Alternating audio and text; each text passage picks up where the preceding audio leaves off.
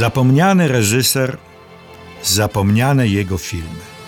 Jeszcze tak niedawno nazywany był, jak słusznie, jednym z najwybitniejszych twórców filmowych francuskiego i światowego kina.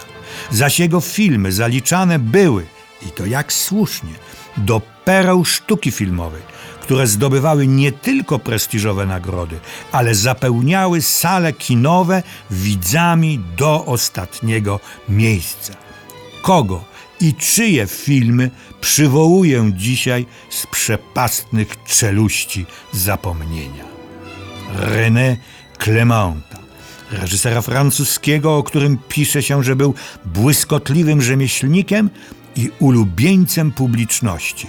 Ale to za mało.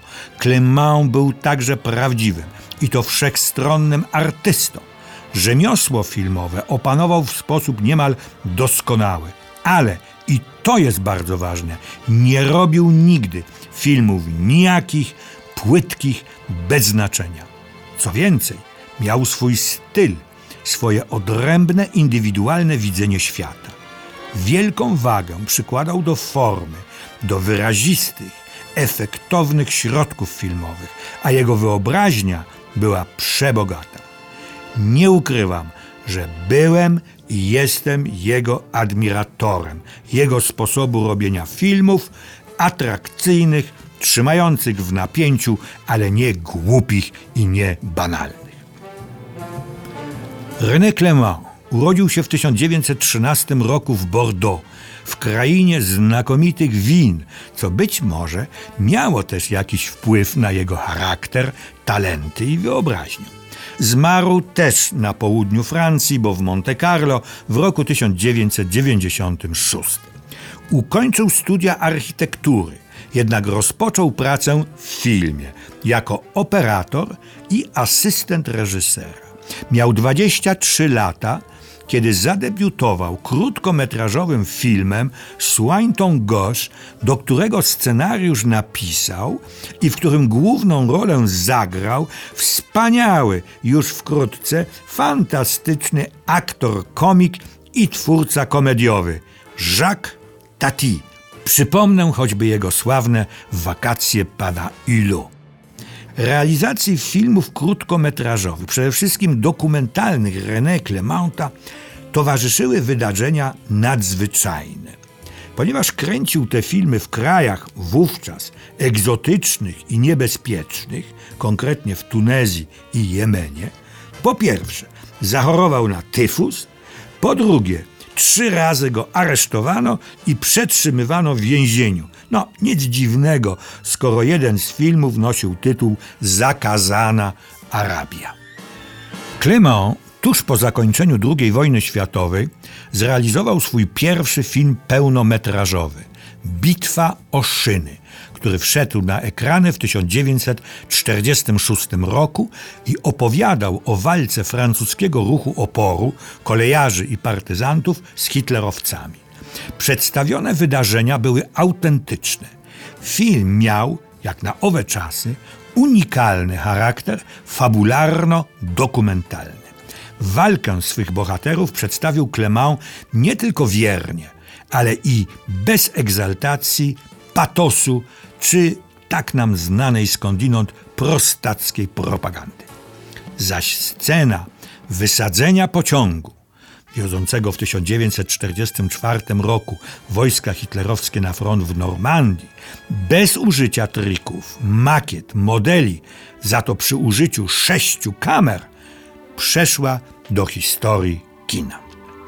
Na pierwszym po wojnie międzynarodowym festiwalu filmowym w Cannes Bitwa o szyny otrzymała najwyższą nagrodę Złotą Palmę. Potem pomógł René Clément w realizacji swych filmów dwóm cenionym i niezwykłym francuskim artystom. Scenarzyście i komikowi Noël Noël i poecie, pisarzowi, malarzowi, autorowi sztuk, reżyserowi, scenarzyście, projektantowi, aktorowi, słowem Żanowi Cocteau. Jednym z następnych, głośnych i ważnych filmów René Clementa byli Potępieńcy z roku 1947. Fascynująca, sensacyjno-kryminalna opowieść o grupie hitlerowskich dygnitarzy i funkcjonariuszy, którzy w ostatnich dniach wojny uciekają okrętem podwodnym z Niemiec do Ameryki Południowej. Nie sposób zapomnieć dusznej, dosłownie i w przenośni, atmosfery wnętrza podwodnego okrętu. Kolejna nagroda na festiwalu w Cannes. Mury Malapagi to zaułki Genui, w których rozgrywa się dramat trojga osób. Zbiega z Francji znakomity Jean Gabin, ściganego za zabicie żony, kobiety matki, która rozstała się z mężem łajdakiem i jej dwunastoletniej córki. Jest w tym filmie i neorealistyczna sceneria i klimat, i gorzka prawda o trudnych losach ludzkich, i tragizm tak charakterystyczny dla filmów francuskich szkoły psychologicznej lat 30. No, nie mówiąc już o maestrii reżyserskiej, operatorskiej i aktorskiej. Prawdziwą rewelacją, wzorcową adaptacją powieści Emila Zoli, nazwaną naturalistycznym dokumentem oraz brawurowym popisem reżyserskim, była Gervaise. Opowieść o tytułowej, kalekiej dziewczynie, która w wieku 15 lat zostaje matką.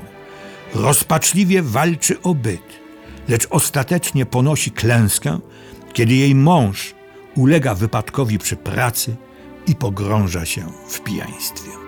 Maria Schell, z natury delikatna, wrażliwa, subtelna i nieśmiała, w takiej roli – to było bodaj największe osiągnięcie tej wspaniałej, a też zapomnianej aktorki.